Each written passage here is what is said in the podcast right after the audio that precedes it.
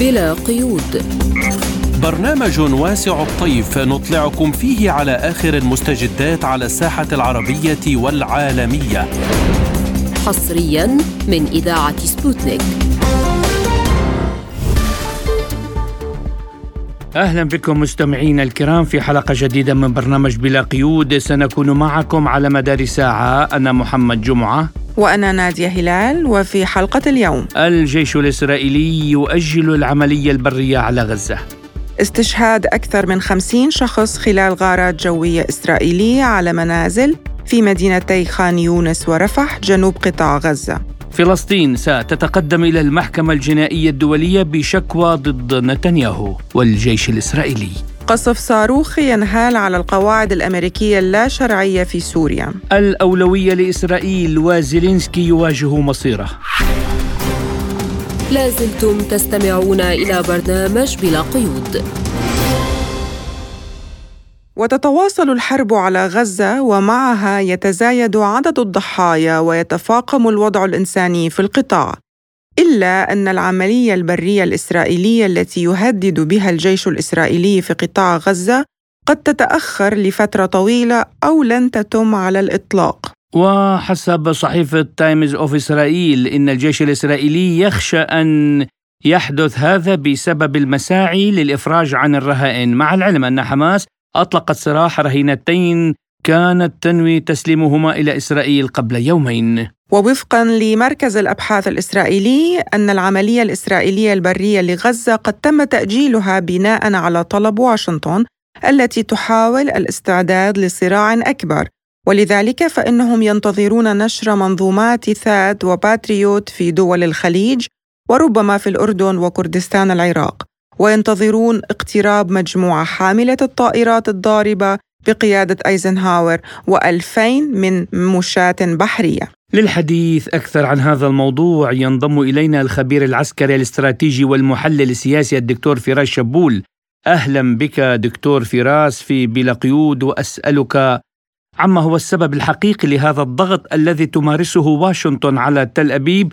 لتأخير العملية البرية على قطاع غزة. سيدي كريم يعني موضوع العلاقة العضوية بين الكيان الصهيوني وأمريكا هي علاقة يعني لا يمكن فصلها بهذه السهولة ولا يمكن معرفة يعني حتى في الأبعاد السياسية والأبعاد الدبلوماسية لا يمكن الفصل بين الإدارتين يعني بمعنى أنه لا يمكن التنبؤ من يعطي الأوامر. الكيان الصهيوني يعطي الأوامر للإدارة الأمريكية عن العكس هو الصحيح. لذلك نجد بأن موضوع قولا واحدا كل ما يتعلق بالأخلاق السياسية والإنسانية بموضوع محاولة دخول قطاع غزة بريا. هذا الموضوع بعيد كل البعد عن العقلية الأمريكية والعقلية الإسرائيلية. لذلك الموضوع مرتبط بقدرة الكيان الصهيوني على تحمل هذا الدخول من عدمه. و أما فيما يتعلق بموضوع إنساني على الإطلاق هذا بعيد كل البعد عن هذا الموضوع. لذلك نجد بأنه لو كان هناك احتمال واحد بالماء من آه، نجاح عملية الاقتحام البري لما توانت إسرائيل لحظة واحدة لا هي ولا الإدارة الأمريكية عن دخول قطاع غزة. هناك حسابات شديدة هناك صفعة قوية لهذا الكيان الصهيوني لم يتلقاها منذ بداية آه، وجوده على الأراضي الفلسطينية المحتلة. آه، صفعة آه، يعني قوية جدا آه، لا يمكن وصفها بالعملية التي قامت بها حماس في منطقة إسرائيل. أما ما يتعلق في الدخول البري أعتقد بأن الحسابات الأمريكية والإسرائيلية من وراء هذه الصفعة الذي استطاعهم إياها المقاومة الإسلامية في حماس ومساندة المحور المقاومة بشكل كامل في محيط فلسطين المحتلة تعيد حسابات الكيان الصهيوني إلى مبدأ الربح والخسارة من محاولة اقتحام قطاع غزة بشكل فعلي. لذلك التأخير في هذا الموضوع أو عدم رضا الإدارة الأمريكية من عدم من من من رضاها في في الموافقه على اقتحام أعتقد أن الموضوع ليس مرتبط بهذا لأن هناك وحدة حال بين العقلية الصهيونية والعقلية الأمريكية. لو وجدوا بأن لهم مصلحة وفائدة وتحقيق انتصار حاسم بدخولهم غزة لما توانوا لحظة واحدة في هذا الموضوع، لهم حساباتهم وهم الأدرى بما يعنيه دخول قطاع غزة. وفقا لمركز الأبحاث الإسرائيلي أن العملية الإسرائيلية البرية لغزة قد تم تأجيلها بناء على طلب واشنطن والتي تحاول الاستعداد لصراع أكبر. كيف تقرأ هذا الرأي؟ نحن نحارب في العصر الحديث بالإعلام لا نحارب يعني فقط في السلاح أو فقط في السياسة أو فقط في الاقتصاد، نحن نحارب في الدرجة الأولى في الإعلام. مراكز الدراسات والأبحاث والإعلام المرتبط بالغرب والإدارة الأمريكية والصهيونية العالمية يسوق الأمور كما يعني. يبين لك بأنك تتعامل مع كيان يعني هذا الكيان هو في قمة الوداعة وفي قمة اللطافه وفي قمة الدبلوماسية. هذا الكلام بعيد كل البعد عن المنطق. ويقولون أيضا عن تأجيلهم للعملية البرية على غزة لأنهم ينتظرون نشر منظومات ثاد وبتريوت في دول الخليج وربما في الأردن وكردستان العراق. وينتظرون اقتراب مجموعة حاملة الطائرات الضاربة بقيادة زنهاور و2000 من مشاة البحرية كيف تقرأ هذا دكتور فراس؟ القوات الأمريكية والتواجد العسكري بالقطاعات الأمريكية وحتى على مستوى الموارد البشرية يعني. هل هو غير موجود في منطقة الشرق الأوسط؟ نحن نعلم بأن هناك قواعد أمريكية هي ثابتة منذ عشرات السنوات ليس فقط منذ منذ فترة قصيرة. وهناك موارد وقوات بشرية للقوات الأمريكية وغير القوات الأمريكية متواجدة وتستطيع لو أرادت الدخول في أي حرب تأمل أن تنتصر بها أو تحقق إنجازات بها القوات الأمريكية والإسرائيلية. ستدخلها حتما لا يمكن أن يكون الموضوع موضوع انتظار أن تأتي قطعة عسكرية. متى كانت القطعات العسكرية والقدرات العسكرية الأمريكية خارج المنطقة وخارج المياه المحيطة في منطقة الشرق الأوسط إن كان في البحر المتوسط وفي البحر الأحمر وفي المناطق البرية والجوية؟ يعني القطع العسكرية الأمريكية متواجدة. اذا هذه الحجة بانتظار قدوم آه، مدمرات وحاملات طائرات. هذا الموضوع لا يمكن أن يفهم بهذه الطريقة على الإطلاق. ما يمكن أن يقال بأن الولايات المتحدة الأمريكية نحن نتحدث عن كيان يعتبر نفسه بأنه كيان استخباراتي من الطراز الأول وتم خرقه في ساعات محدودة إلى ضمن هذه المستوطنات. هذا يعطينا مؤشر بأن الإدارة الأمريكية بالتنسيق والتعاون والترابط بينها وبين الإدارة الإسرائيلية هناك انكفاء عن موضوع أنه أن يتم آه، زج هذه القوات بشكل مباشر في عمليات عسكرية، الموضوع لا يمكن ربطه بقدرات عسكرية أو تواجد هذه القدرات أمريكية أو غير أمريكية، هي متواجدة على الأرض ولكن هل ستحقق الولايات المتحدة ومن تساند الولايات المتحدة ستحقق الأهداف التي تريدها من هذا الدخول العسكري؟ هنا السؤال. لو أرادت الولايات المتحدة أو لو أنها قادرة على تحقيق الأهداف المرسومة لها في أي تدخل عسكري ليس فقط في فلسطين المحتلة في أي منطقة في الشرق الأوسط. ستتدخل دون رأي حدا ودون استشارة حدا. وموضوع الاستشارات وموضوع التأجيلات هذا من باب التسويف لهذه العقلية الأمريكية والإسرائيلية. هو أنا أعتقد بأنه انكفاء انكفاء لأنها تعلم بأن النتائج لن تكون كما تتمناها إسرائيل والولايات المتحدة، هذا هو الموضوع الرادع لموضوع التدخل في قطاع غزة، وأقول لك بكل وضوح بأن الولايات المتحدة الأمريكية وإسرائيل لو أنها تدرس النتائج وتعرف وستحقق النتائج المرجوة لدخلت في هذه الساعات إلى قطاع غزة، ولكن هي تعلم مدى تورطها في هذا الدخول البري وتعلم مدى الخسائر التي يمكن أن تحققها في هذا الدخول البري. وأكبر دليل على هذا الموضوع بأن المقاومة الإسلامية المواجهة للقوات الإسرائيلية المحتلة في فلسطين حتى هذه اللحظة هي خسائرها يعني آه، بالعلم العسكري هي خسائرها قليلة جدا مقابل القوات الإسرائيلية. دكتور فراس كيف تقرأ المشهد في حال فتحت كل الجبهات على إسرائيل؟ بدخول حزب الله الحرب من الأراضي اللبنانية والأردن ومصر وسوريا ودول عربية أخرى بالإضافة إلى إيران. هل تتغير برأيك أولويات واشنطن؟ أنا أقول لك نحن يعني نتحدث عن عن قطبيه عالمية جديدة بالمعنى لا نتحدث عن أنا إذا تكلمنا العواطف وقلنا بأن هناك قدرات محدودة للمقاومه تستطيع دحر هذه الإدارة الأمريكية عبر تلك السنوات وهذا الكيان الصهيوني المغتصب للارض العربية عبر تلك السنوات. نحن نتحدث في العاطفة نحن نريد أن نتحدث واقع. الواقع يشير بأن هناك تبدل قطبية احاديه كانت مسيطرة عليها الولايات المتحدة كانت مسيطرة عبر القواعد العسكرية المتواجدة في الشرق الأوسط عبر القواعد العسكرية المتواجدة في كل العالم. هناك صعود روسي هناك صعود صيني بالتوازي مع الصعود الروسي العسكري هناك صعود صيني اقتصادي يرخي بظلاله على المنطقة وخصوصا في منطقة الشرق الأوسط. لذلك هناك تبدل في هذه القطبية، هذا التبدل يعطينا مؤشر بأن الولايات المتحدة الأمريكية ومن معها ليست فقط القوة الوحيدة ولن تكون آه، بالمستقبل القوة الوحيدة في المنطقة والمسيطرة وصاحبة القرار، وهذا ما يعطينا مؤشراته ودلائله العملية العسكرية التي قامت فيها روسيا في أوكرانيا. وتبدل المنطقة رغم الدعم والضخ الإعلامي والمالي الكبير لأوكرانيا لمحاولة لمحاولة إفهام بأن روسيا دخلت في حرب خاسرة ولكنها لم تستطع تحقيق ذلك. إذا يعطينا كل ذلك مؤشرات بأنها ليست القوة الوحيدة.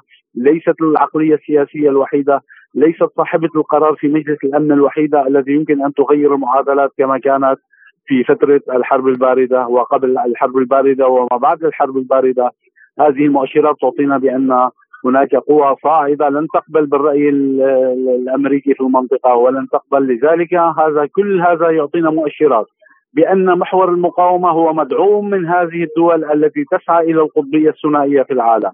هناك محور مقاومة محيط في فلسطين المحتلة ونحن نتحدث عن عن محور مقاومة محدد، نحن لا نتحدث عن عن أنظمة خارجة عن عن العقلية الأمريكية والإسرائيلية، نحن نتحدث عن محور مقاومة، هذا المحور هو مدعوم، هذا المحور هو متطور حاليا في السلاح، متطور في العقلية البشرية، متطور في الموارد البشرية، له القدرة ويعطينا كما نشاهد على التلفزة بأن هناك قدرة فائقة جدا تكنولوجية. الخبير العسكري الاستراتيجي والمحلل السياسي الدكتور فراس شبول كنت معنا ضيفا في بلا قيود. شكرا لك.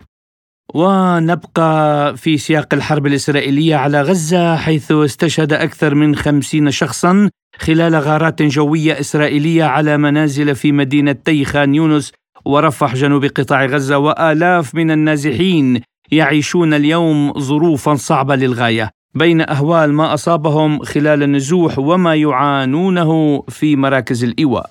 وتروي النازحة إسلام لوكالة سبوتنيك أهوال الطريق إلى مركز الإيواء مع أولادها الثلاثة بعدما قتلت عائلتها وأقرباؤها في قصف إسرائيلي على بيتهم. إحنا عن, عن نفسي مش عارفة ولا شيء في منطقتنا. ما بعرف إذا بيتنا راح بيت جيراننا بعرف بس اللي استشهدوا مقومات الحياة لا مية. لا كهرباء لا لا أكل لا شرب لا ملبس. إحنا لبسنا بنشرب نفس اليوم بنلبسه ثاني يوم بننام فيها وعينا. لا عندنا مية ولا في عندنا شيء ولا اكل إحنا عايشين ما حدش يقول لي كيف عايشة. مش حقول لكم أنا أصلا مش عارفة عن نفسي كيف عايشة. أنا مش عارفة كيف أجيب أكل وشرب أنا وحدي ولا أي حدا جنبي. إحنا القصف في كل مكان. إحنا المدارس هي مش قويانه هيك بس. بس ممكن في أي لحظة في اي في أي ثانية ننقصف ممكن الآن ننقصف إحنا بنتشاهد على أرواحنا في كل دقيقة. إحنا ما فيش عندنا حياة في غزة إحنا أصلا ميتين. إحنا بالصف خمسين عيلة. كل عيلة معاها ثلاث انفار أربع بننام فوق بعض. يعني لو صارت مجزرة في المدرسة حيموتوا كل الشعب مش حيضل حدا مش حيضل بني آدم. الله خلقه أنا دايما بطلع حواليا بقول إحنا خلص زي جايين الدار وحنموت في أي لحظة. يعني عن جد الحياة اللي إحنا عايشينها ولا حدا ب... ولا حدا يعني بيقدر يعيشها صراحة محدش بيقدر يعيشها وفي خان يونس أنشأت الأونروا مخيما جديدا يعيش فيه الآن نحو عشرين ألف نازح فلسطيني. يتزاحمون للحصول على قطعة من الأرض تصلح لمكان خيمة. قال بهذا الصدد النازح إبراهيم زقوت لوكالة سبوتنيك اليوم بنعيش نكبة جديدة يعني اصعب من نكبة 48 بظل الخطر المحيط والقصف العشوائي للمباني وللسكان الآمنين في بيوتهم. نص الناس اللي الان بيناموا في العراء جو صحراوي امتداد لصحراء سيناء في الليل برد قارس في النهار حر شديد.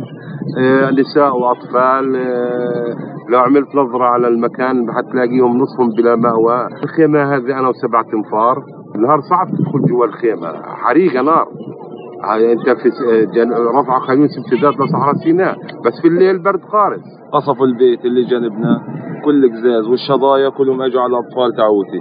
قطعت مسافة طويلة كثير عبال ما وصلت للمنطقة هذه. قالوا لنا روحوا على مدارس الوكالة. إنه هذه آمن. هذه هناك منطقة خطر. هذه بتذكرني زي ما أنا كنت على التلفزيون قاعد وبتفرج على اللاجئين اللي كانوا أجدادنا بيعانوا هذه المعاناة اللي إحنا فيها. أنا قاعد في خيمة هنا لا كهرباء ولا مية. هنا هيك شايف أرض صحراء فيها بعوض فيها حيايا فيها سحالي. يعني أنا امبارح كنت نايم وعلى البنت ما لقيت إلا بالصيف ما لقيت إلا إيش إلا, إلا سحلية قرصاها. أنا مش عارف وين أروح أنا وين أجي؟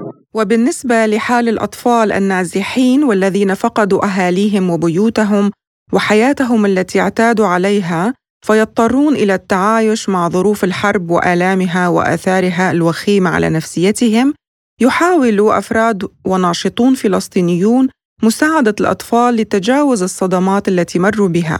ومن بينهم الشاب نديم حامد الذي قام بمبادرة فردية فأحضر أدوات الرسم والأوراق إلى مشفى الشفاء بغزة كي يعطي فرصة للأطفال بممارسة هوايتهم وتفريغ الطاقة السلبية والخوف والتوتر. ويقول نديم لوكالة سبوتنيك هذه المبادرة هي مبادرة تم آه، القيام بها بشكل شخصي.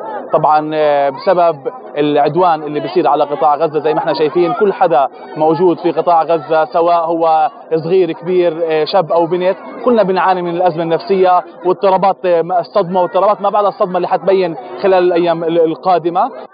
أنا بأناشد أي حدا من المنشطين أي حدا من الأشخاص اللي موجودين في العمل المجتمعي والمجتمع المدني إنهم إذا بيقدروا يساهموا بأي شيء لو بكلمة لو برسمة لو بيقدروا يجيبوا أي شيء لأي مكان سواء المستشفى سواء المدارس سواء حتى لبيوتهم نفسهم لحتى يعملوا أي نشاط لتفريغ النفس للأطفال. كلنا محتاجين هذه الأنشطة. صح الإشي بسيط الإشي مش راح بيكون حل لمشكلتنا في قطاع غزة ولكن هذا إشي بسيط إحنا ممكن من خلاله نفرغ عن أنفسنا. أما النازحة هلا الحلو والدة الأطفال المشاركين في المبادرة؟ فعبرت لسبوتنيك عن رأيها بهذه المبادرة قائلة لقيت الفعالية هاي بسرعة جبت أطفالي لأنه يفرغوا الطاقة هاي. عندهم خوف قصف آه، أصوات فبخليهم يفرغوا بالألوان. وحتى أنا من ضمن الألوان بعرف إيش بدخلهم. لما بعد الحرب إن شاء الله أعرف أتعامل معهم وأعرف كيف أتصرف وأعالج اللي هم شافوه أصلا الطاقة السلبية والنفسية اللي هم عاشوها. وفقا لإحصاءات منظمة إنقاذ الطفولة الخيرية الدولية لا يقل عن ألفي طفل لقوا حتفهم في قطاع غزة خلال الأيام السبعة عشر الماضية للتعليق على هذا الموضوع ينضم إلينا أمين سر المكتب السياسي للجبهة الشعبية لتحرير فلسطين القيادة العامة والمسؤول الإعلامي الأستاذ أنور رجع أهلا بك أستاذ الكريم إلى متى سيستمر هذا الوضع؟ أين هي المنظمات الدولية لحماية حقوق الطفل؟ وما هي الطريقة لإيقاف قتل المدنيين والأطفال؟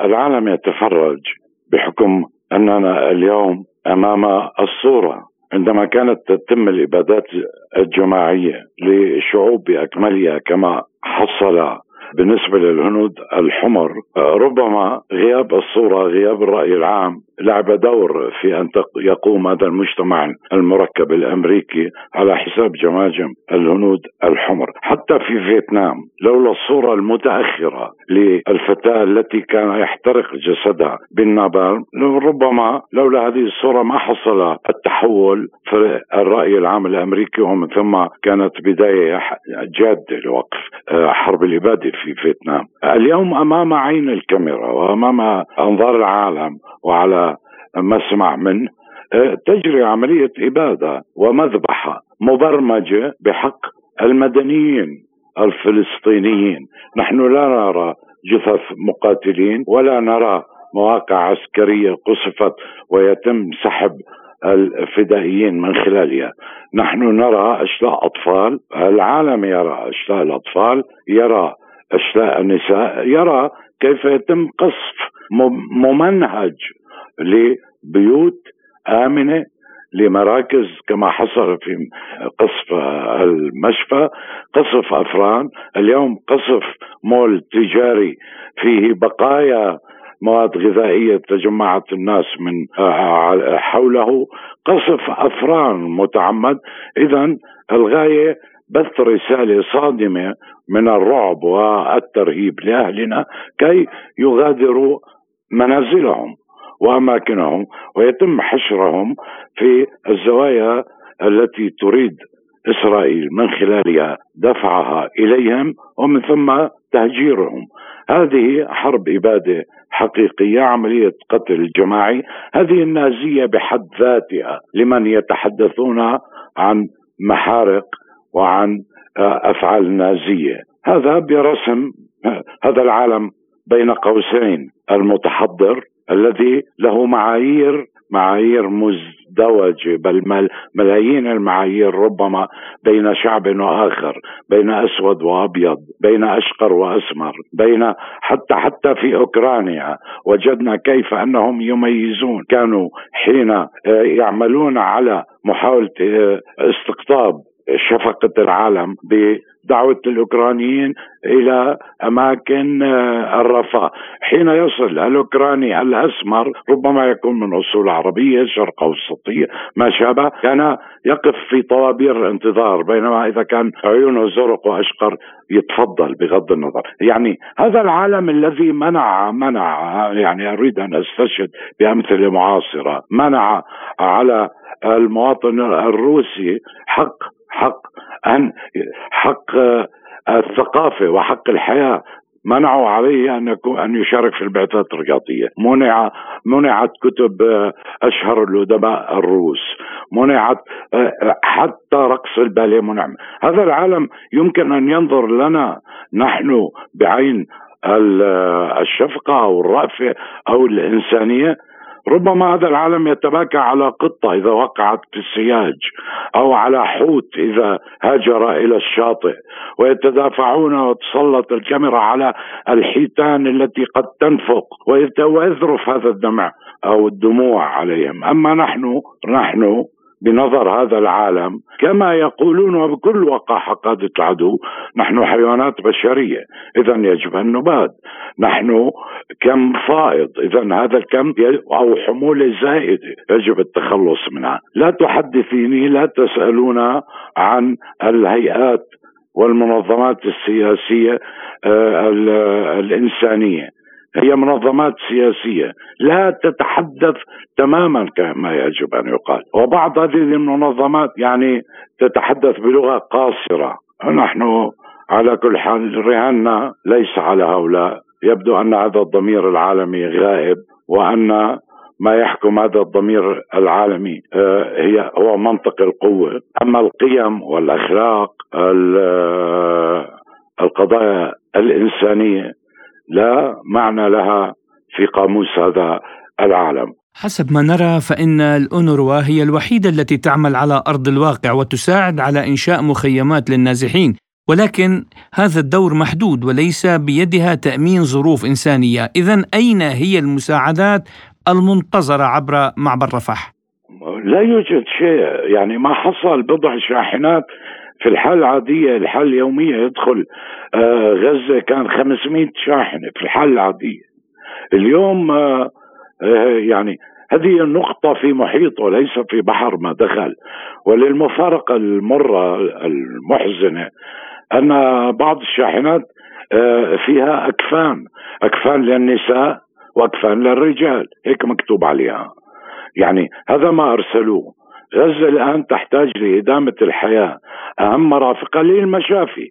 الآن لا نريد آه، يعني غذاء وحليب ونسلة وشوكولا هذا الشعب الآن على الأقل إنقاذ الجرحى إنقاذ الأطفال الخدج إنقاذ آه، مراكز الحيوية للحياة الكهرباء الوقود ثم الماء. آه، حتى الماء منع. هؤلاء لو استطاعوا أن يمنعوا الهواء لمنعوه. الأنروا يعني لا تستطيع أن تفعل شيء. من آه، يملك قرار إدخال هذه المساعدات آه، أولا هؤلاء الأمريكان والأوروبيين الذين يتحدثون الآن عن أنه لا وقف لهذه الحرب إلا بشروطهم ويتحدثون عن بضع عشرات من آه، الأسرى أو المحتجزين ويقتلون شعب بأكمله ويعاقبون شعب بأكمله. المحتجزين ليسوا في المولات وليسوا في الأفران وليسوا في المشافي بين أيدي الفدائيين. هم لا يعرفون ذلك لذلك يضربون ليضغطوا على هذه الحاضنة الشعبية. ظنا منهم أنها ممكن أن تنفك من حول المقاومة لكن نحن نرى غزة تموت ولا ترفع الراية آه، البيضاء. وحقيقة كما ذكر الرئيس بوتين هذه غزة هي لينينغراد العصر. هي هي التي ستهزم هذا الجيش النازي بدمها وبنفس الوقت نقول يعني إحنا لنا الله ولنا حلف من أصحاب الضمائر الحية من المو من محور المقاومة.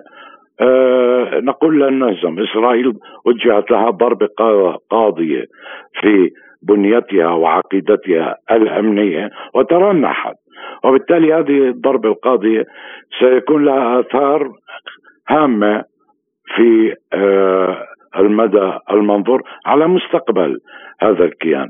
ولكن بالعودة إلى سؤالك مباشرة هذا هذا العقاب الجماعي لشعب آه، بأكمله سيرتد بالتأكيد إلى صدور آه، من يحاصر ومن يقتل. لا يمكن. يعني بعد 15 سنة من عمليات القتل الجماعي البطيء انفجرت غزة في وجه أعدائها طلبا للحرية الآن عمليات القتل الجماعي القتل الجماعي آه، بالتأكيد سيكون لها اثمانها المكلفة على مستقبل آه، هذا الكيان. وعلى مصالح أمريكا وأوروبا في هذه المنطقة هذا الدم سيشعل حرائق وهذا الطوفان سيجرف معه الكثير من مصالح أمريكا في المنطقة ولو بعد حين. الأمور تتفاعل. الشارع العربي وكل أحرار العالم بدأوا يعني بدأوا يتململون. في صحوة وإن جاءت متأخرة. آه، تتدحرج الآن وستشكل طوفان آخر أهم وأخطر من طوفان الأقصى. كان معنا أمين سر المكتب السياسي للجبهة الشعبية لتحرير فلسطين القيادة العامة الأستاذ أنور رجا. شكرا لمشاركتك القيمة. ونبقى في فلسطين حيث صرح وزير العدل الفلسطيني لوكالة تيريا نوفستي أن فلسطين ستتقدم إلى المحكمة الجنائية الدولية بشكوى ضد نتنياهو والجيش الإسرائيلي متهمة إياهم بارتكاب إبادة جماعية ضد الشعب الفلسطيني. بالنسبة للضحايا الفلسطينيين حول رفع قضية أمام المحكمة الجنائية الدولية نعم لأنه إسرائيل كسلطة قائمة بالاحتلال ارتكبت وترتكب أبشع الانتهاكات الجسيمة لحقوق الإنسان والقانون الدولي الإنساني وبالتالي أخلت بكافة التزاماتها القانونية بوجوب التمييز ما بين الأهداف العسكرية والأهداف والأعيان المدنية. ولم تطبق مبادئ القانون الدولي الإنساني وبالتالي ألحقت العديد من الأضرار بالسكان المدنيين والأعيان المدنية. وبالتالي إسرائيل كسلطة قائمة بالاحتلال تسببت من خلال انتهاكاتها للقانون الدولي الإنساني وحقوق الإنسان في وقوع عدد كبير من القتلى والمصابين وتشريد أعداد ضخمة من الأشخاص وإلى تدمير واسع النطاق للمنازل والبنية التحتية. وبالتالي ارتكبت السلطة القائمة بالاحتلال جرائم عديدة تدخل في إطار جرائم الحرب وجرائم ضد الإنسانية وجرائم الإبادة الجماعية. وبالتالي من هنا نقول أننا كضحايا فلسطينيين وسكان مدنيين نملك أحقية مقاضاة السلطة القائمة بالاحتلال بتحميل إسرائيل المسؤولية الجنائية الفردية الشخصية بدءا برئيس الوزراء ووزير الأركان وكافة القادة الذين أعطوا هذه التعليمات للجنود والضباط بارتكاب الحرب العدوانية آه، ضد آه، الشعب الفلسطيني في قطاع غزة. والتي اتخذت الطابع الوحشي وذلك بالقضاء على أكبر عدد ممكن من المدنيين العزل والأبرياء وبتهديم ما أمكن من المنشآت المدنية والبيوت والمستشفيات. وبالتالي هذه الجرائم تشكل انتهاكا جسيما لمبادئ وقواعد القانون الدولي الإنساني وحقوق الإنسان وتخالف مبدأ الضرورة العسكرية والنسبة والتناسب في اللجوء إلى استعمال القوة والحل العسكري. ومن هنا نقول أن إسرائيل ارتكبت جرائم حرب وجرائم ضد الإنسانية وجرائم إبادة جماعية ضد الأبرياء من المدنيين. وهذه الجرائم والمخالفات الجسيمة تتطلب آلية قانونية وقضائية لجواز ملاحقة ومحاكمة ومعاقبة مرتكبيها من آه، الجنود والضباط الإسرائيليين. ومن هنا أقول أن المحكمة الجنائية الدولية لم تحرك ساكنا اتجاه ما يجري في الأرض الفلسطينية المحتلة وخاصة في قطاع غزة. يوميا ترتكب أبشع الجرائم بحق الشعب الفلسطيني. وهذه هي سياسة الكيل بمكيالين والتعامل بازدواجية في القضايا الدولية. نحن نلاحظ كيف تعاملت المحكمة الجنائية الدولية والمدعي العام السيد كريم خان بأن قام بزيارة إلى أوكرانيا وحتى الآن ننتظر بزيارة المدعي العام إلى آه، فلسطين وإلى الأرض الفلسطينية المحتلة. وأعلنت محكمة العدل الدولية أنها ستبدأ في 19 فبراير شباط 2024 جلسات استماع حول التبعات القانونية لاحتلال إسرائيل للأراضي الفلسطينية. ينضم إلينا من بيت لحم المحامي والخبير القانوني الأستاذ شبلي القيسي. أهلا بك أستاذ. يعني سؤال رئيسي يخطر في البال لماذا الانتظار حتى فبراير 2024 لماذا لا يمكن إجراء الجلسات الآن حالا؟ أنا مع أنه يكون حالا لأنه أي تأخير في في هيك مسائل يعني يعطي الفرص آه، آه، لزيادة لزيادة في القتل والتدمير وال والانتهاكات الموجودة حاليا. يعطي يعني فرص أكثر كمان للناس. زي نتنياهو وغيره من القادة يكملوا في هذا الشيء. فيعني التأخير يعطي يعطي زيادة من من الدمار والقتل. أنا مع فورا. وكلها يعني الفترة ال 2014 تتغير ظروف وتيجي ظروف جديدة وبتصير تمويت أصلا للقضية هاي. لازم لازم فورا كل من كل من آه، آه، آه، يأخذ قرار بقتل الناس يجب أن يقدم للمحكمة. صفتي محامية أستاذ شبلي كيف يمكن للجانب الفلسطيني أن يستغل هذه الفترة في التحضير للجلسات المقبلة لتتم بنجاح؟ إحنا عندنا الجانب الجانب الفلسطيني منقسم في جانب فلسطيني آه، آه، ساكت ورابخ وتحت الضغوطات الأمريكية والإسرائيلية والعربية وال... وفي جانب آه، لا في عندنا مؤسسات يعني كمان مؤسسات حقوقية دولية بتصور ان هي قادرة زي مؤسسة الحق وغيرها قادرة على إنه تقوم بهذا الدور. بس إذا بدنا نركن على الجانب الفلسطيني الرسمي الجانب الفلسطيني الرسمي غير قادر على إنه يقوم بهذا الدور. وغير معني أصلا غير معني الادق كمان. لأنه اليوم المصالح ارتبطت مع الأمريكان ومع الإسرائيليين ومع مع القوى العربية آه، المتخاذلة. وبالتالي لن يستطيع أن يقوم بهذا الدور. اثنين أصلا على الأرض الواقع ما له دور.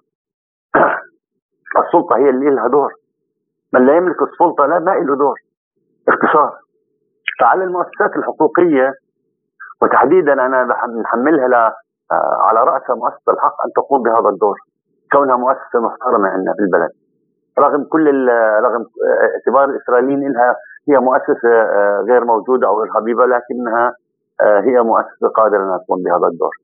والنقابات ونقابة المحامين وغيرها مش فقط فلسطينيا فلسطينيا وعربيا ودوليا. يستطيعوا جميعا. كان معنا المحامي والخبير القانوني الأستاذ شبلي القيسي. شكرا لك. لازلتم تستمعون إلى برنامج بلا قيود.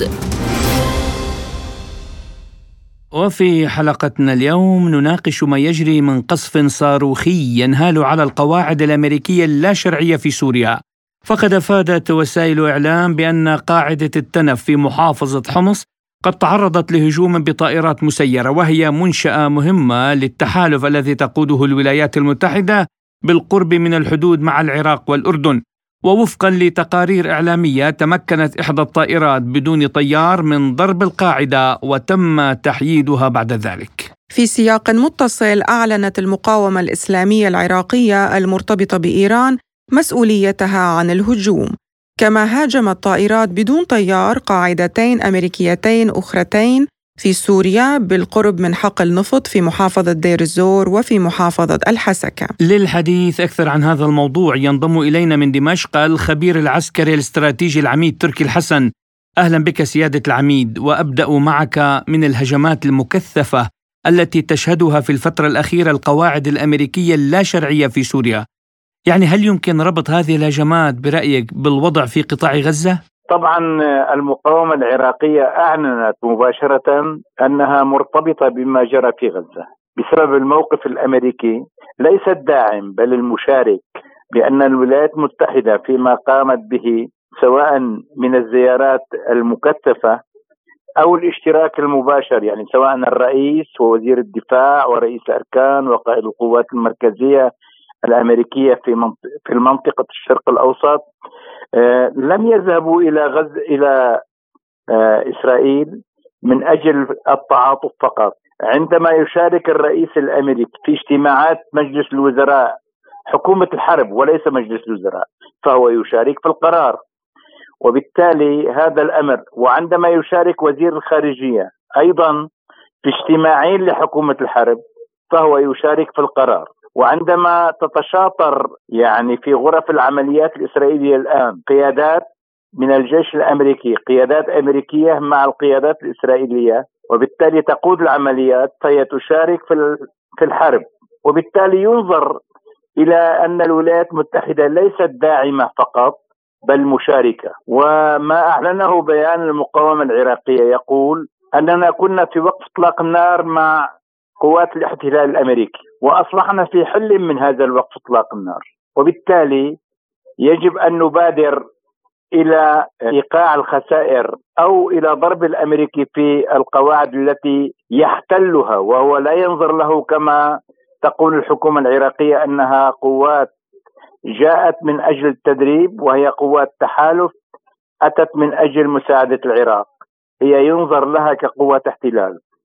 وبالتالي الضربات المتكررة وهذه بداية العمليات التي يمكن أن تجري لاننا قد نشاهد لاحقا عمليات أخرى على الأرتال الأمريكية التي تزود بالوقود والدعم اللوجستي سواء كان داخل العراق ومن ومنه يدخل إلى منطقة الجزيرة السورية ومنطقة التنير وبالتالي أنا أنظر إلى هذه العمليات بصورة جدية. وأن الأمريكي أيضا ينظر لها بصورة جدية.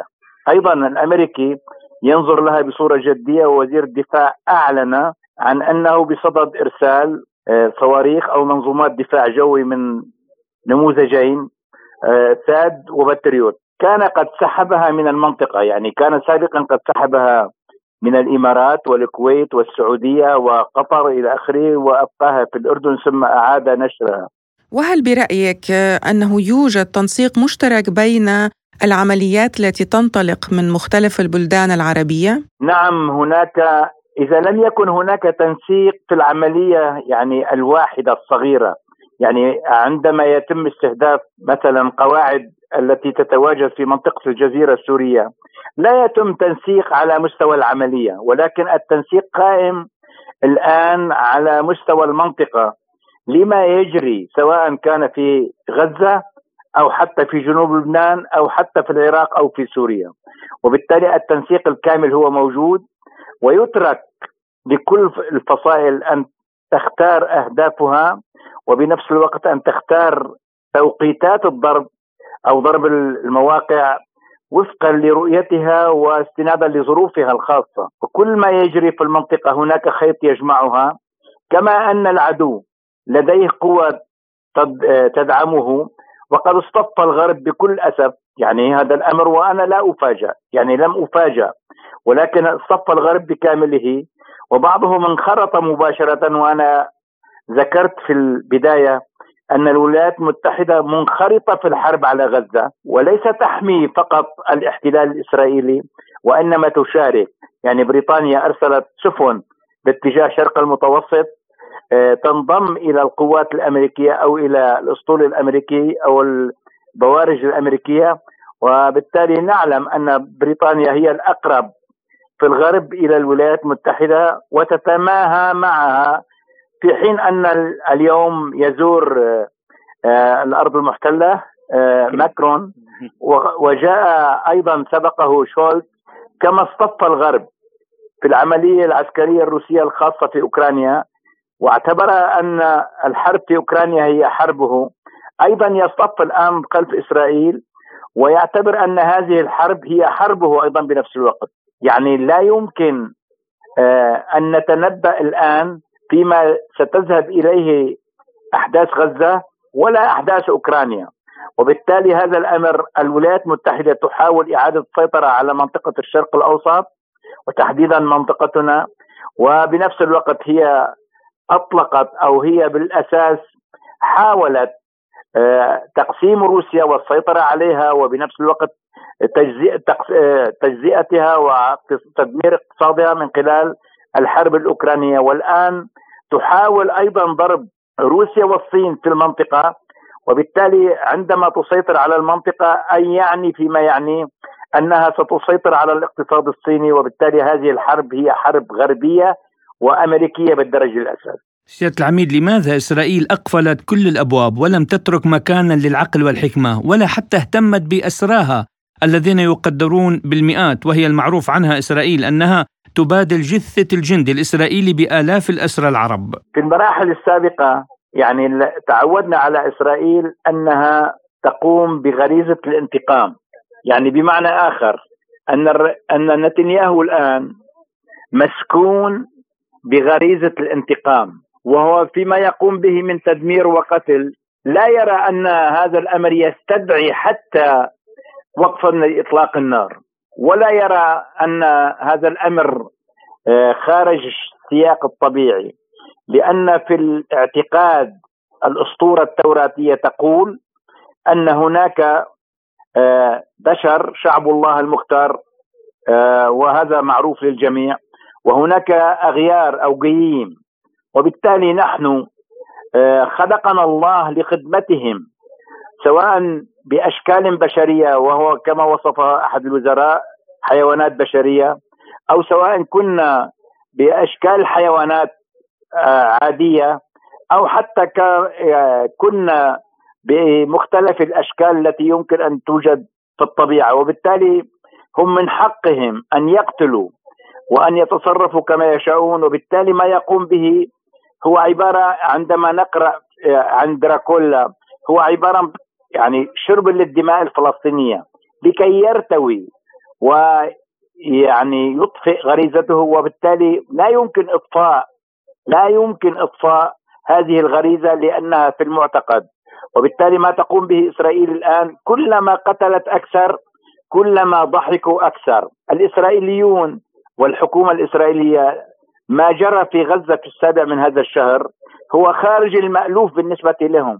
وبالتالي طيلة 75 عام لم يجري لإسرائيل ما جرى. حتى في حرب تشرين الموضوع كان مختلف كليا. وإن كنت أجد أن هناك تشابها فيما جرى في غزة مع ما جرى في قبل خمسين عام في الذكرى الخمسين لحرب تشرين تتشابه المقدمات وحتى هذا الأمر إلى حد التطابق سواء من حيث آه، المفاجأة أو من حيث التمويه والخداع أو من حيث قرار المبادرة. ليس سهلا أن تتخذ آه، المقاومة قرارا بالهجوم من غزة وأن تسيطر على المواقع الإسرائيلية بكاملها وعلى كافة المغتصبات هناك وأن تسيطر على أرض فلسطينية محتلة تساوي ثلاثة أضعاف قطاع غزة. فهذه المبادرة تقرأها إسرائيل بخطورة أن الكيان أصبح مهددا في ذلك. وأذكر أنني شاهدت الرئيس الفلسطيني محمود عباس وهو يخاطب العالم من على منبر الأمم المتحدة يقول لدينا سبعين قرار لصالح الفلسطينيين. حطوا على عيني هذا باللهجة الفلسطينية حطوا على عيني حطوا على عيني بتنفيذ قرار واحد. من السبعين قرار. وبالتالي الخيار السياسي موجود ولكن خيار المقاومة لا يسقط هو لا يسقط وهو موجود أيضا. عندما تخلى العالم جميعا عن القضية الفلسطينية وعن حق الفلسطينيين وعن اللاجئين. وسؤالنا الأخير آه الذي هو سؤال مطروح عند كل الوكالات الإعلامية في العالم عن الدور الحقيقي الذي لعبته وتلعبه إيران في الحرب على غزة وضربات المقاومة. بالمناسبة إيران لا تخفي دعمها للمقاومة وبالتالي ما تقدمه سواء كان تسليحا أو تمويلا. هذا الأمر آه، معلن. وفصائل المقاومة تعلن جهارا نهارا يعني ليس سرا أن إيران تقدم لنا التسليح وتقدم لنا التمويل وتقدم لنا الخبرة أيضا بنفس الوقت. وبالتالي هذا الدور الإيراني موجود. من حيث آه، قناعة إيران أن إسرائيل هي عبارة عن آه، سرطان غدة سرطانية كما قال الإمام الخميني. كل ما يجري في غزة هو من ثمرات الدعم الإيراني. طبعا لا أقصد فقط إيران ولكن هناك عقل فلسطيني مبدع خلاق استطاع أن يستثمر هذا العقل في إنتاج عوامل القوة في غزة وخارج غزة أيضا بنفس الوقت. والفصائل الفلسطينية آه، آه، أجبرت على هذا الخيار لأن الاحتلال لا يواجه آه، والذي يستخدم القوة لا يواجه إلا بالقوة أيضا كذلك. نعم الدعم الإيراني موجود وغير الإيراني بنفس الوقت ولكن الفضل الأول والأخير هو عبارة للفلسطينيين الذين قاموا بهذا العمل البطولي. من دمشق الخبير العسكري الاستراتيجي العميد تركي الحسن كنت معنا ضيفا عزيزا في برنامج بلا قيود. شكرا لكم. لازلتم تستمعون إلى برنامج بلا قيود. وإلى الملف الأوكراني حيث تتورط الأجهزة الخاصة الأوكرانية في عشرات جرائم القتل.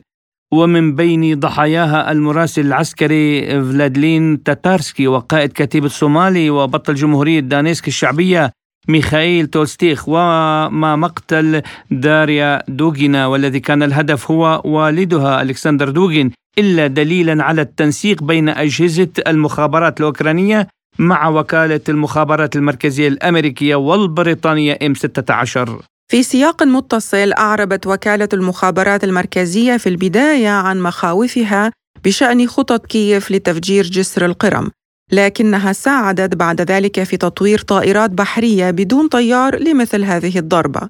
وتشارك مديرية الاستخبارات الروسية بوزارة الدفاع الأوكرانية في عشرات الهجمات بطائرات بدون طيار على الأراضي الروسية بما في ذلك الكرملين. وللحديث أكثر عن الحرب الأوكرانية وانشغال الولايات المتحدة الآن في الحرب الإسرائيلية على غزة نستضيف معنا الخبير بالشأن الروسي مدير مركز جي اس ام للدراسات الدكتور آصف ملحم.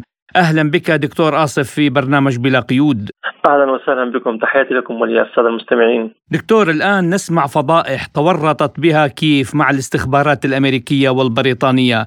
كخطط تفجير جسر القرم واغتيالات كثيرة. هل برأيك دكتور كشف المستور واتهام زيلينسكي هو خطوة في طريق التخلي عنه ليواجه مصيره لوحده الآن؟ آه نعم أخي محمد فيما يتعلق بتورط الاستخبارات الغربية عموما والأمريكية خصوصا فيما يتعلق بالمشكلة الأوكرانية هذا الشيء يعني أصبح معروف للجميع لي هم ليسوا فقط متورط متورطون ليسوا فقط متورطين بما قام به النظام الأوكراني في روسيا سواء من تفجير جسر القرم أو آه أو غيره من من من العمليات تمت ضمن روسيا بل هم متورطون أيضا في جرائم فساد كثيرة في أوكرانيا وهم يدعمون هذا هذا النظام باستمرار للتستر على جرائمهم طبعا آه، التخلي عن زيلينسكي سيأتي عاجلا أم اجلا؟ هذا شيء آه، واضح. يعني أصبح امرا طبيعيا. ولكن المشكلة التي تكمن هنا أنهم يحافظون عليه لأنه ينفذ ما يشاءون. لذلك تصبح القضية هل هو ما هو البديل لزيلينسكي؟ ما الذي سيجري في أوكرانيا؟ آه، هل طبعا هناك هناك باستمرار حديث الآن حول عدم امكانيه إجراء الانتخابات في ظروف الحرب وما شابه ذلك. لذلك قد يكون هناك انقسام في نفس في نفس النخبة الحاكمة الغربية عموما حول زيلينسكي تحديدا. فهناك من يريد أن يحافظ على وجوده لأنه مستفيد. من وجود هذا الشخص وهناك من يريد التخلص منه لأنه لا يمكن كما تفضلتم التستر على على كل الفضائح التي تلف زيلينسكي، زيلينسكي يعني من خلال معرفتنا بهذه الحرب وما قبلها وما يعني وما يجري أمامنا الآن بكل بساطة هو عبارة للأسف الشديد يعني وأنا أعتذر من الشعب الأوكراني الذي انتخب زيلينسكي في الواقع. هو مجرد يعني العوبه بيد الاستخبارات الغربية عموما. يقولون له أو بالأحرى يفعل ما يقول له تماما، لذلك قد يكون هذا الخيار وارد و بالنهايه بالنهاية يعني القرارات وصانع القرار في الدول الغربية يتخذها مجموعة من الأشخاص ف القضية تتعلق بمدى استفادتهم من عدم من وجوده أو عدم وجوده في هذا المنصب. آه نعم دكتور آه أيضا نشاهد تغيرا واضحا في موقف الولايات المتحدة من الحرب الأوكرانية. هل هذا بسبب أولوية إسرائيل أم برأيك لتغطي الولايات المتحدة هزيمتها في أوكرانيا؟ آه، أستاذة نادية لاحظ معي فيما يتعلق بما حدث في فلسطين المحتلة يجب أن ننظر إليه في الكثير بالكثير من الحذر. يعني أنا أعتقد ما, ما جرى ما قامت به آه، حماس في 7 أكتوبر آه، لم يكن اختراقا أمنيا بالمفهوم التقليدي للكلمة. يعني لا يمكن يعني أنا لست مقتنعا ولا بأي شكل من الأشكال على أن ما جرى اختراق أمني والدليل على ذلك أن مصر يعني أرسلت تحذيرات إلى إسرائيل بأن هناك شيء ما سيحدث ونتنياهو كان على علم بذلك. لذلك أعتقد أن وفق تقديري الشخصي وبالمناسبة يعني يعني قادة حماس جميعهم موجودون موجودون في قطر وقطر هي أقرب حليف للولايات المتحدة الأمريكية من خارج حلف الناتو وهي تسميها بذلك. لذلك وهذا يذكرنا في الواقع بما حدث في 11 سبتمبر عام 2001 يعني قد تكون يعني يجب أن ننظر الموضوع من عدة زوايا. من من نفذ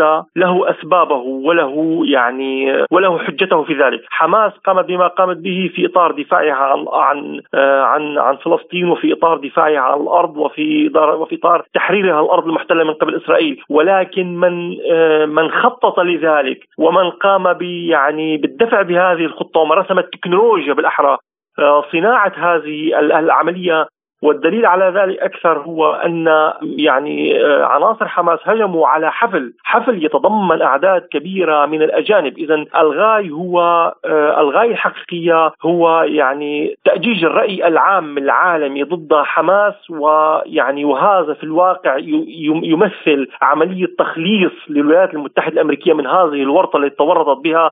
في أوكرانيا، الحقيقة ان أن الولايات المتحدة الأمريكية تورطت في أوكرانيا وعائلة بايدن نفسها متورطة في أوكرانيا، والرئيس الأمريكي بايدن لا يتجرأ على فتح مجرد موضوع الفساد في أوكرانيا لأنه هو وعائلته متورطون في هذا الفساد وابنه تحديدا متورط في هذا الفساد، لذلك أنا لا أستبعد أن بعض أقطاب الدولة العميقة من الاستخبارات الأمريكية سهل هذه العملية لحماس في الأرض المحتلة بهدف بهدف إنقاذ بايدن من جهة وإنقاذ أيضا نتنياهو من جهة لأن نتنياهو أيضا متورط هناك وعنده خلافات بالمناسبه شديدة جدا بينه وبين مع المؤسسة العسكرية في وهناك أخبار تؤكد على أن آه، كاد يحدث انقلاب إسرائيل ضد نتنياهو. هناك خلافات كبيرة بين المؤسسة العسكرية والسياسية. والأكثر من ذلك بعض آه، بعض الضباط في وزارة الدفاع الإسرائيلية هربوا الكثير من الأسلحة من أوكرانيا بالتعاون مع بعض عناصر الاستخبارات الغربية إلى حماس أيضا.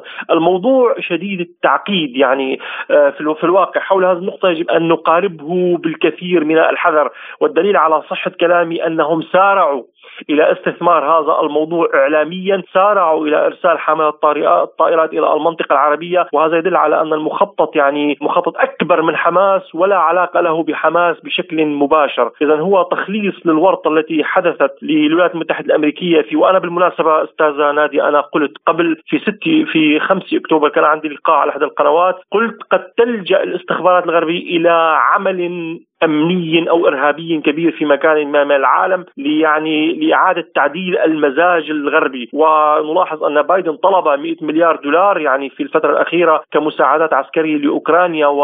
و... وإسرائيل. مساعدات الغربية لأوكرانيا لا تغير في المعركة شيء. هم لا يتجرؤون على تقديم مساعدات لأوكرانيا قادرة على كسر ميزان القوة مع روسيا أو تشكيل تهديد امني تهديد استراتيجي لروسيا. هذا الموضوع يجب أن يكون واضح محسوم. لذلك هم يقدمونها بتقنين شديد وبحذر شديد خوفا من ردة فعل روسيا على ذلك. لذلك الموضوع هنا يجب مقاربته يعني بالكثير من الحذر والكثير من التحليل قبل أن, أن, أن نقول يعني أن أنها منشغلة الآن في إسرائيل أو غير منشغلة. نعم دكتور يعني وفقا لما تفضلت به عن التورط الأمريكي يعني برأيك هذا التورط هل سيجعل القيادة في أوكرانيا تبدأ بالتخطيط للقيام باستفزازات لجذب الانتباه إليها بعد انشغال الولايات المتحدة وأوروبا بالحرب الإسرائيلية على غزة؟ أستاذ محمد هذا لا يستبعد يعني أن تقوم آه، بهجوم كيميائي ما أن تقوم بهجوم إرهابي ما مخطط له مدبر عبر عناصر الاستخبارات في في في أوكرانيا، هذا الأمر وارد جدا والهدف منه هو إعادة حرف الأنظار إلى المشكلة الأوكرانية، أنا أعتقد وفق تقديري لاحظ معي أستاذ محمد في هذا الموضوع تحديدا آه، أوكرانيا ورقة أصبحت محروقة.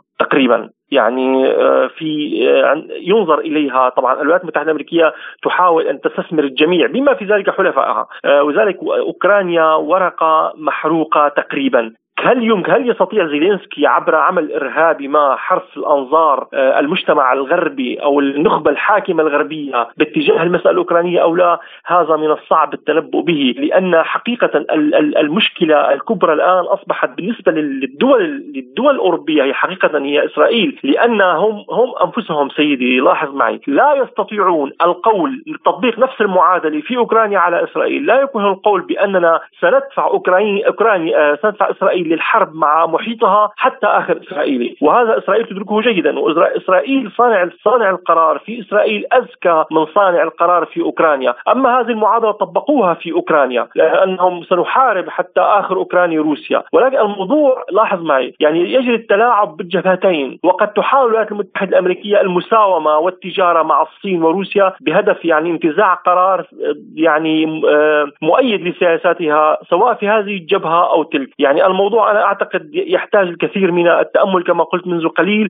عمل إرهابي في أوكرانيا قد يحرف الأنظار ولكنني لا أعتقد في بشكل من الأشكال أن تتخلى الدول الغربية عن إسرائيل مقابل أوكرانيا. آه نعم دكتور آسف، آه هل سيستطيع بايدن إقناع الأمريكيين بأن دعم كييف وتل أبيب هو استثمار ذكي أم سنشهد تخليا امريكيا عن الدولتين معا؟ فيما يتعلق آه، لاحظ معي فيما يتعلق بأوكرانيا آخر آخر شيء هم طرحوه أنهم سيقومون بتوطين الصناعات العسكرية في في أوكرانيا، هذا الشيء يعني هم من الذي اجتمع في هذا الاجتماع؟ اجتمع في هذا الاجتماع آه، يعني أعتقد اجتماع تم في آه، آخر سبتمبر على ما أعتقد، في هذا الاجتماع كان هناك مجموعة كبيرة من ممثلي الصناعات العسكرية الغربية، يعني هؤلاء يريدون بيع الأسلحة، يعني نحن نعلم جيدا يعني من صناع الأسلحة في الولايات المتحدة الأمريكية الآن في منتهى السعادة أن هناك هناك يعني صراع جديد سيندلع في المنطقة العربية وسنضاعف هذه العبارة قرأتها في العديد من وسائل الإعلام. سنضاعف مبيعنا من الأسلحة في العالم لأن يعني هذا طبيعي يعني. هذا الموضوع إلى أي درجة يعني أوكرانيا غارقة الآن في الديون؟ هذه الورقة كما قلت تكاد تصبح محروقة تقريبا يعني واستثمارها صعب. آه، يعني يتبقى عندنا فقط موضوع الصناعات العسكرية، المشكلة أن روسيا تضرب أوكرانيا يوميا، تقصف أوكرانيا يوميا، وبالمناسبة في الثامن عشر من هذا الشهر انتهى الحظر المفروض على تصدير الصواريخ الإيرانية ذات مدى 500 كيلومتر و700 كيلومتر، وهذه روسيا تحتاجها، يعني روسيا كانت تقصف الكثير من المواقع في أوكرانيا باستخدام الصواريخ المجنحة التي تطلق من الطائرات وهذه كشفها بمنظومات بتريوت سهل جدا، أما صواريخ أرض أرض التي التي طورتها إيران والتي تنتهي فترة حظر آه، عليها في انتهت بالأحرى في الثامن عشر من هذا الشهر تستطيع استيرادها الآن روسيا بكل سهولة وبهذه الصواريخ تستطيع تقريبا يعني آه، قصف معظم مناطق أوكرانيا. صواريخ أرض أرض. اولا ترتفع في الهواء وتسقط سقوطا حرا وتصبح سريعة جدا لأن سقوطها يصبح مساعده الجاذبية الأرضية. وكشفها عن طريق الرادارات صعب جدا. لذلك أعتقد أن روسيا ستزيد من ضرباتها على هذه المناطق على معظم مناطق أوكرانيا ومعظم المنشآت العسكر الصناعية العسكرية التي ممكن انشائها في أوكرانيا. وتصبح يعني في نظر وجه وجهه نظر المصنع الغربي ان يعني أوكرانيا ورقة غير رابحة، طبعا هذا الموضوع يحتاج إلى كثير من التحليل، هم مقامرون مغامرون لا يهمهم حياة الناس في أوكرانيا، ولكن المعادلة تبقى هي هي، ما دام هناك طاقة بشرية وموارد بشرية قادرة على استخدام السلاح في أوكرانيا فسيستمرون باستنزاف أوكرانيا. آه نعم دكتور آصف، شكرا لمشاركتك القيمة. الخبير بالشأن الروسي مدير مركز جي اس ام الدكتور آصف ملحم كنت معنا ضيفا عزيزا في برنامج بلا قيود. شكرا لك دكتور آصف. أهلا وسهلا فيكم أهلا وسهلا. مستمعينا الأفاضل إلى هنا تنتهي حلقة اليوم من برنامج بلا قيود. كنت معكم أنا محمد جمعة. وأنا نادية هلال. استمعوا إلى راديو سبوتنيك ودمتم بألف خير.